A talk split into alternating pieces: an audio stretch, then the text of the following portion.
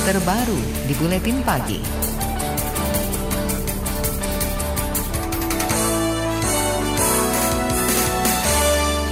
Pemerintah Joko Widodo Ma'ruf Amin menjadikan penuntasan persoalan radikalisme sebagai salah satu fokus kerja lima tahun ke depan. Hal ini tercermin dari komposisi Kabinet Indonesia Maju, seperti penempatan ex-Kapolri Tito Karnavian sebagai Menteri Dalam Negeri. Tito dikenal figur berpengalaman tentang pemberantasan terorisme. Jokowi juga menunjuk Purnawirawan TNI Fahrul Razi menempati posisi Menteri Agama. Ia secara terang menjelaskan tugasnya yang diembannya adalah menangkal radikalisme. Juru bicara Wakil Presiden Ma'ruf Amin, Mas Duki Baitlowi beralasan selama 10 tahun terakhir banyak ideologi dari luar masuk dan memicu tumbuhnya paham radikalisme. Uh, Maruf kan sebagai wakil presiden kan tentu saja fungsinya fungsi fungsi integratif dan koordinatif gitu ya. Uh, di berbagai kementerian-kementerian yang memang berhubungan dengan persoalan-persoalan itu seperti Kementerian Agama, seperti, seperti Kementerian Pendidikan, bahkan mungkin ada Kementerian BUMN yang terpapar dan segala macam itu ya nanti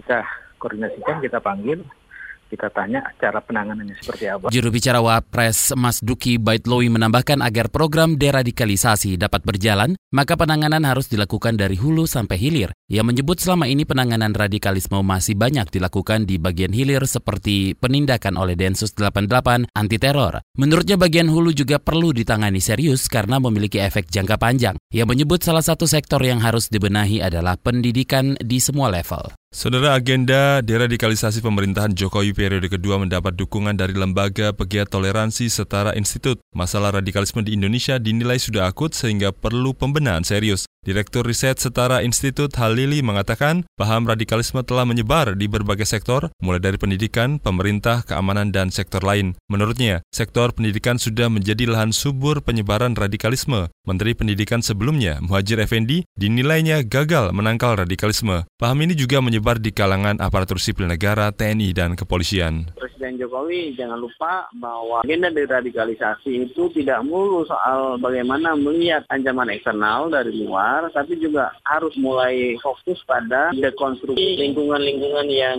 memungkinkan terjadinya radikalisme itu.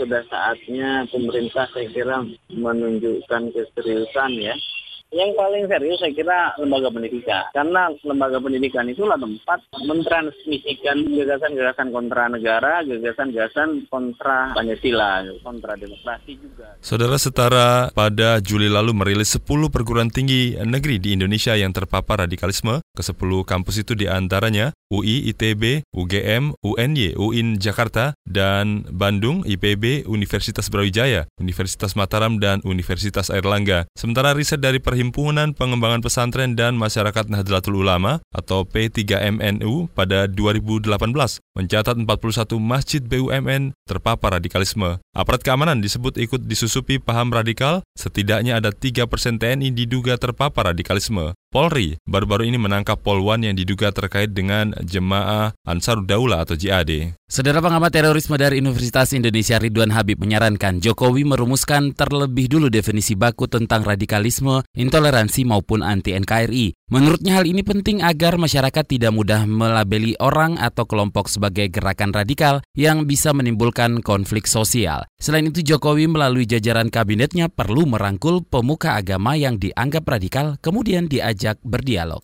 Orang-orang atau ustadz-ustadz yang vokal terhadap pemerintah dianggap ustadz radikal. Nah ini kan akan diubah nanti dipanggil oleh Menko Polhukam, dipanggil oleh Mendagri, dipanggil oleh Menteri Agama, diajak dialog, diberikan kanal dialog, sehingga kemudian stabilitas politik selama lima tahun ke depan itu terjadi. Kalau tidak, yang terjadi adalah segregasi sosial seperti yang lima tahun lalu terjadi. Pengamat terorisme dari Universitas Indonesia Ridwan Habib menambahkan Kementerian Agama perlu membentuk penyuluh lapangan untuk merangkul pemuka agama di daerah. Dari situ diharapkan para pendakwa bisa diajak memberi pesan damai dan menegakkan stabilitas nasional. Sementara itu, pengamat terorisme dari Universitas Malikus Saleh, Aceh Al-Haidar menilai Jokowi terkesan takut terhadap isu terorisme dan radikalisme yang tercermin dari komposisi Kabinet Indonesia Maju. Menurutnya, ketakutan Jokowi ini dilatari adanya ancaman serius dari kelompok teroris dan gerakan radikal menjelang pembentukan kabinet, yakni penusukan terhadap ex-Menko Polhukam Wiranto dan wacana penggagalan pelantikan presiden. Ketakutan yang menurut saya sudah paranoid, sudah berlebihan terhadap